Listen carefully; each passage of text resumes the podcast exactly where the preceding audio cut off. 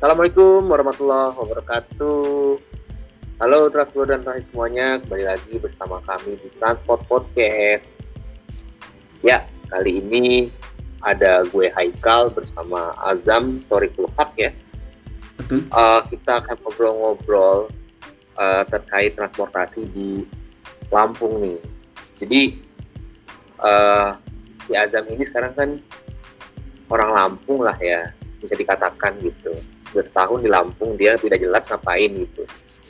Nah, BTW udah setahun di Lampung kayaknya udah tahu nih transportasi di sana tuh bentukannya kayak apa aja gitu.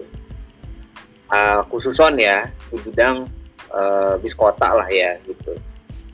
Pastinya kan ini Azam ya, ada BRT BRT-an ya, ya nggak Iya. sih? Oke, ya sebenarnya kita mau ngobrolin tentang BRT nih ya transport dan transit juga gitu.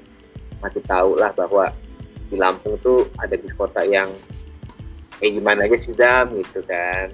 Nah mungkin gue mau mulai dulu nih dari sejarah awal atau asal usulnya lah eh, bis kota BRT BRT-an itu di Bandar Lampung seperti apa gitu. Oke. Sebelumnya tabik pun nih kepada Transpro dan Transis. Waduh ngeri udah udah udah udah udah udah ini mah udah udah udah bener ya transport dan transisnya nih udah ya gitu udah approve dia orang Lampung sekarang Boleh, boleh. Eh, sempat grogi juga sih nih. Biasanya kan kita nanya-nanya ke Ikal, ini gue yang ditanya. Waduh. Pertama enggak kali sih sih. gue nggak grogi sih Iya. Jadi gua di sini udah setahun ya Transpro dan Transis di Lampung itu sebagai mahasiswa di Institut Teknologi Sumatera. Nah, eh, selain kuliah gue juga sering ini nih mantau-mantau nih ada transportasi umum apa aja sih di kota Bandar Lampung ini. Kok kayak gue lihat-lihat tuh ada halte-halte BRT BRT-an. Wah, menarik nih. Nah, usut punya usut, ternyata ada yang namanya Trans Bandar Lampung. Mungkin gue pengen ngejelasin spill dikit lah asal usul dari Trans Bandar Lampung ini. Jadi Trans Bandar Lampung ini sistem transportasi BRT. Ya kita tahu BRT itu adalah bus rapid transit yang mulai beroperasi pada tanggal 1 April 2019. Nah, tapi sebelum itu udah sejarahnya udah ada nih mengenai Trans Bandar Lampung ini. Jadi awalnya itu mulai beroperasi tanggal 14 November 2011. Udah lumayan 10 tahun lebih lah ya. oh berarti ya Nah, ya. iya iya benar jadi eh, uji coba uji cobanya itu empat hari pertama gratis dari tanggal 14 sampai 17 November 2011. Nah, yang ngelayanin itu ada 40 armada bis yang murni dibeli oleh konsorsium. Rute awalnya itu Raja Basa Sukaraja dan juga Korpri Sukaraja. Pada awalnya nih emang udah muncul itu sih kekhawatiran lah merugikan usaha angkot. Jadi ya lu tahu kan lah kal bakal bukan bakal Oh. sih terjadinya demo ke wali kota. So, dari sopir-sopir angkot ya melakukan mogok kerja ya dan ya melakukan aksi-aksi yang lain lah.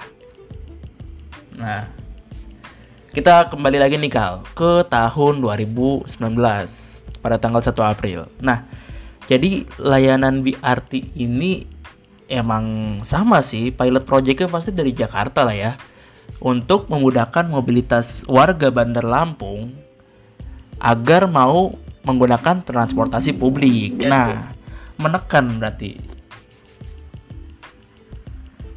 Nah, lu tahu nggak kal harganya berapa sekali jalan? benar benar Jadi sama kayak aja nggak sih mungkin Wah, agak salah sedikit sih. Jadi harganya itu 2000 sekali jalan.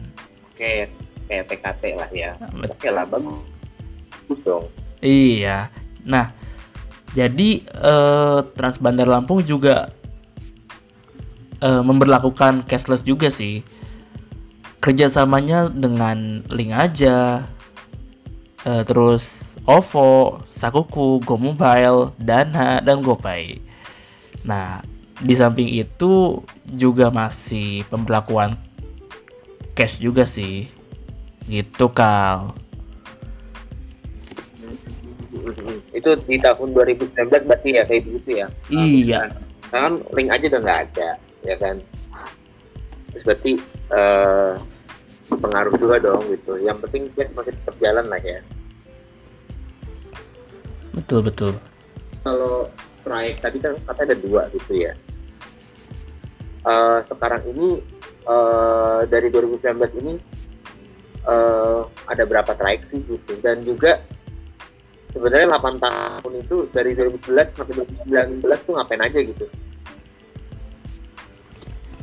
untuk 8 tahun dari 2011 ke 19 mungkin gua kurang tahu ya Cuman yang pasti pas ketika tahun 2019 nambah dua koridor lagi. Jadi totalnya adalah empat koridor. Oh, Oke. Okay. Apa aja tuh? Nih, yang pertama gue jelasin. Dari Korpri ke Sukaraja. Jadi kalau dari arah Sukaraja itu lewat awalnya dari kompleks Korpri Sukarame. Terus lewat Jalan Ria Kudu, Jalan Sultan Agung, Tuku Umar, mengakhiri perjalanan di Jalan Yusudarso hingga Sukaraja. Nah, sebaliknya juga ke arah Korpri. Koridor selanjutnya itu ada Raja Basa Sukaraja. Nah, kalau ke arah Raja Basa itu dari Jalan Sukaraja, Jalan Yusudarso hingga mengakhiri perjalanan di Jalan Pagar Alam Raja Basa.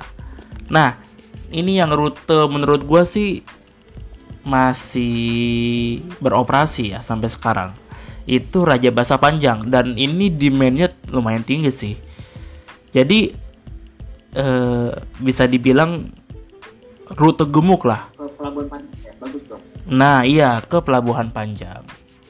Okay. kalau dari arah Raja Basa nah dia ngelewatin Tugu Bundaran Raja Basa menyusuri Jalan Soekarno-Hatta sampai ke Terminal Panjang. Sebenarnya sih cuma lurus aja sih lewat jalan lintas Sumatera juga sampai ke Terminal Panjang. Tapi yang gua tahu sih ada jalan-jalan atau rute yang dilewati lah oleh Trans Bandar Lampung ini di rute Raja Basa Panjang. Mungkin tadi gue ada kesalahan ya, ada sedikit koreksi. Ternyata hanya ada tiga trayek koridor yang dilayani. Tapi ini ada trayek rencana nih dari Tanjung Karang ke Bandara Raden Intan. Uh, bisa dibilang ini bisa mengkonektivitaskan dari kota ke Bandara Raden Intan sih. Soalnya bisa dibilang tuh jauh banget. Kita harus dari Tanjung Karang itu harus ke Raja Basa dulu, terus ke Natar pada akhirnya sampai di bakery. Itu baru sampai tempat bandara Raden Intan 2 tapi itu bahasa baru baru rencana lah. Terus terus ada apa lagi? Uh, mungkin cuman itu aja sih cuman satu aja yang baru direncanakan lah ya untuk uh, kalau yang ke Itera nggak ada jam gini kal uh, bisa dibilang demandnya tinggi sih kalau ke arah Itera tuh. Nah, kalau nggak salah untuk ke arah Itera itu bakal diintegrasikan dengan bus Itera, bus Tayo Itera. Jadi bus Tayo Itera rencananya mau melayani rute eksternal juga selain rute internal di kampus. Jadi dari Itera ke Tanjung Karang. Itu yang rencananya bakal direalisasikan lah. Cuman belum tahu kapan. Oke oke. Uh, lalu uh, sekarang kabar kota di Lampung itu secara kondisi sarana dan prasarana kalau sepenglihatan lu tuh gimana sih? Jangan kita ngomongin jumlah lah ya. Mungkin jumlah nggak begitu tahu berapa pastinya. Cuman bentukan sarana prasarana seperti ya halte ya bis uh, headway segala macam itu kan uh, salah satu bentuk inilah ya yang harus dimaksimalkan dalam suatu pelayanan transportasi publik lah ya. Secara teori ya dan juga secara praktik gitu. Itu menurut lu bagaimana ya? Iya, uh, kalau boleh jujur, to be to be honestly, ya entahlah ini nggak kayak nggak niat gitu loh. Maksudnya kayak kita nggak tahu rute-rutenya, sosialisasinya kurang. Gua jadi kayak headway jauh loh. Tiba-tiba sering ketemu, tiba-tiba jarang. Dari fasilitas penunjangnya kayak halte, halte BRT-nya udah diganti dialih fungsikan kadang-kadang dipakai buat berjualan. Nah terus eh, banyak armada-armada yang bisa dibilang nggak kepake lah mangkrak gitu loh. Diparkirkan begitu aja sih. Tapi kalau nggak salah tuh ada beberapa faktor tahu kalau yang mempengaruhi bisa mundurnya sistem pelayanannya. Apa itu? Nah jadi yang data gue dapat ya lagi-lagi yang pertama itu ada clash dengan pengemudi sama pengusaha angkot nih. Nah jadi keberadaan Transbandar Lampung ini emang pada dasarnya ngebantu banget mobilitas warga. Tapi kehadirannya ya ditentang pekerja dan pengusaha angkot umum.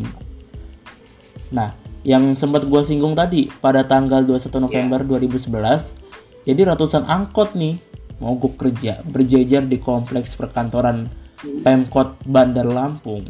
Nah, pad, uh, mereka berdemonstrasi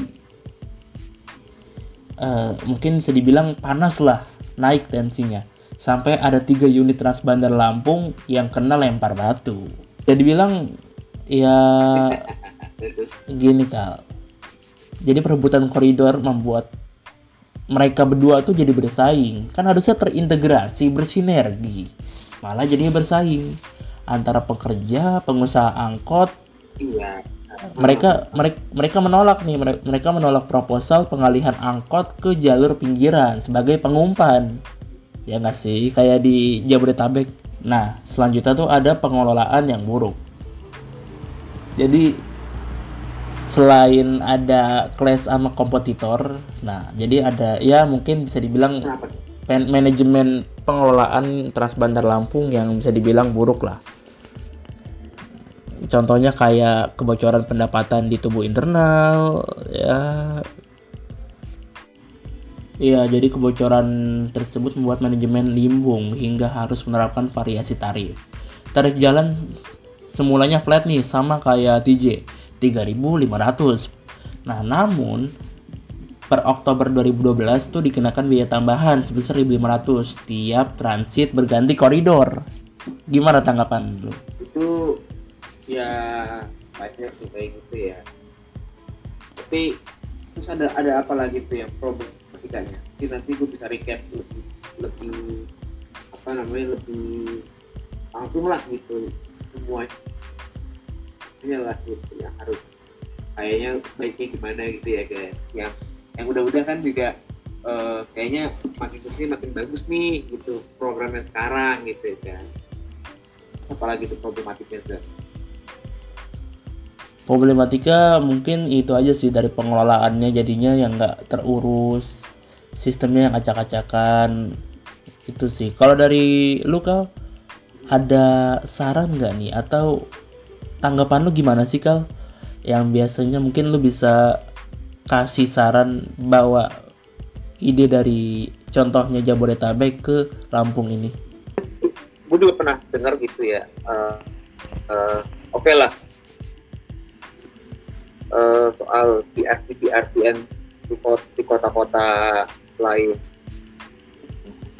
uh, Jakarta gitu ya juga di luar Jawa gitu yang mungkin nggak nggak nggak ke detect ataupun nggak ke endus ataupun nggak ke kelihatan nggak tahu keberadaannya gitu.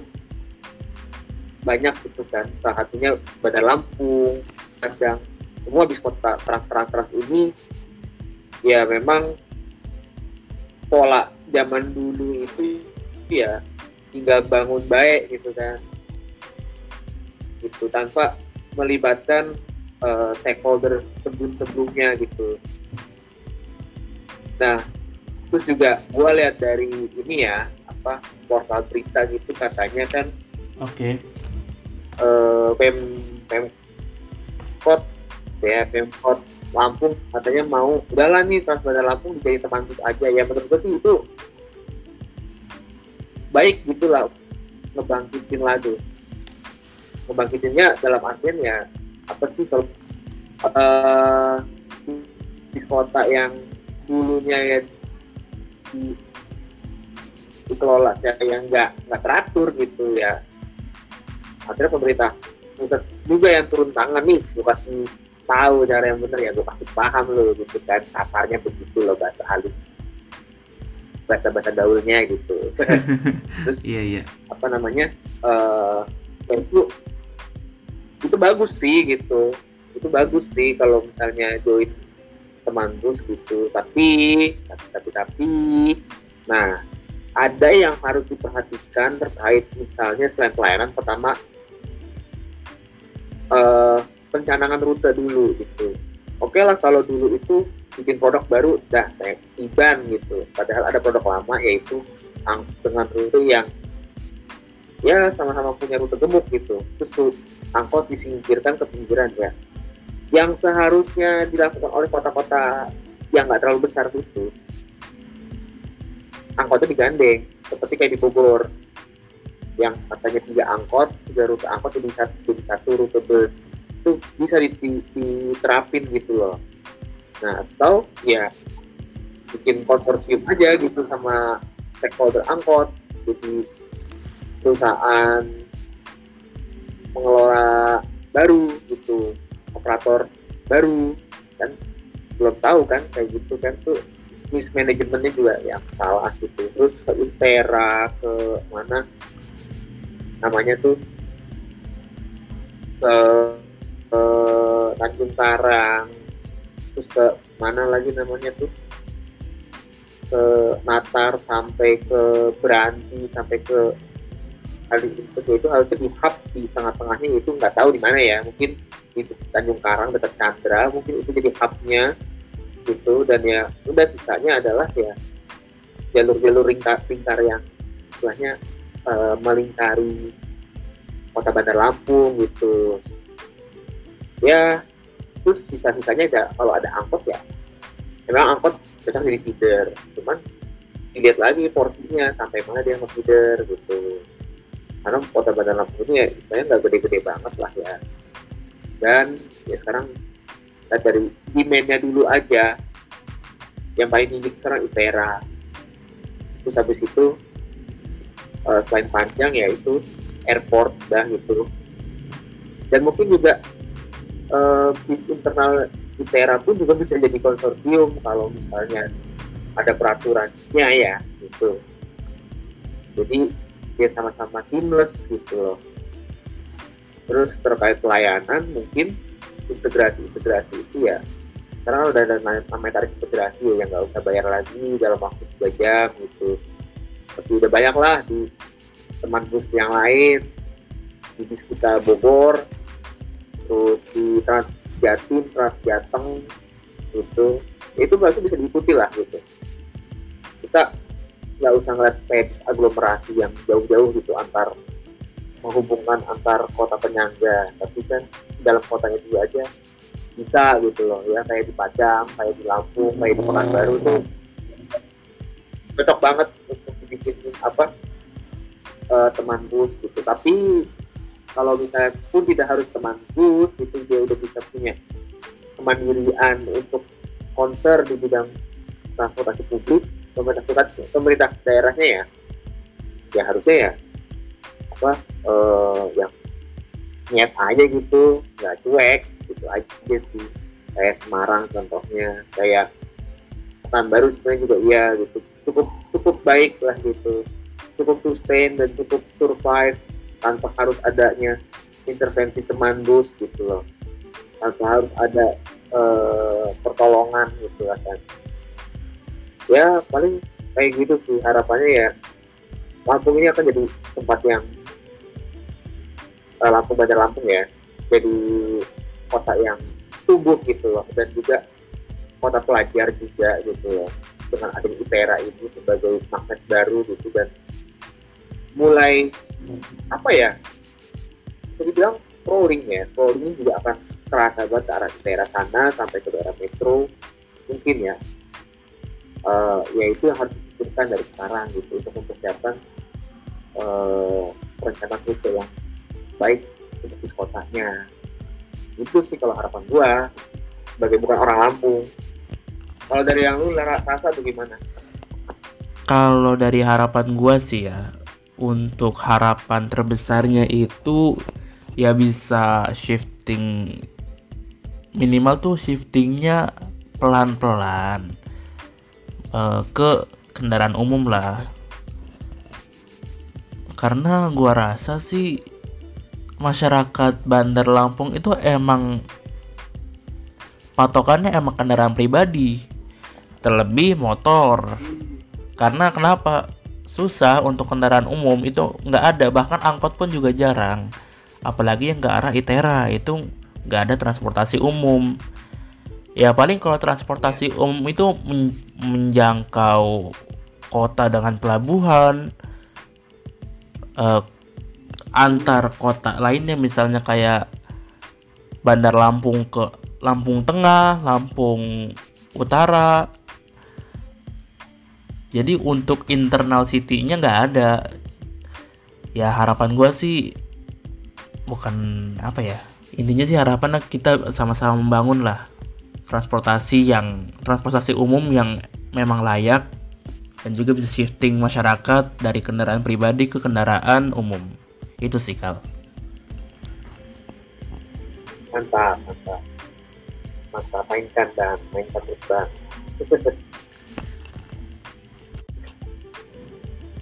Kayaknya udah paten banget nih kayak kita omongin gitu ya. Uh, tipis-tipis lah ya semoga bisa didengar uh, lebih lanjut gitu dan juga uh, mengedukasikan transbulan transit semua ya. Mungkin segitu dulu dari kami ya transbulan transit ya. Mungkin uh, nextnya kita akan lebih kembangin lagi terkait uh, transportasi di daerah-daerah lain yang kita mau kulik ataupun tentang uh, isu-isu lain lagi yang mau kita kulik mungkin Rasbo dan Rasis juga mau ngasih saran. Oke bisa aja email kita atau DM kita ataupun komen di postingan kita di uh, misalnya di Instagram ataupun di Anchor. Itu bisa banget ya Rasbo dan Rasis ya. Uh, feel free juga untuk Rasbo dan Rasis yang mau ngasih saran-saran ide ataupun kritikan itu juga bisa langsung kontak kami juga. Oke, sekian dulu dari kami ya, Transport dan Transis. Assalamualaikum warahmatullahi wabarakatuh.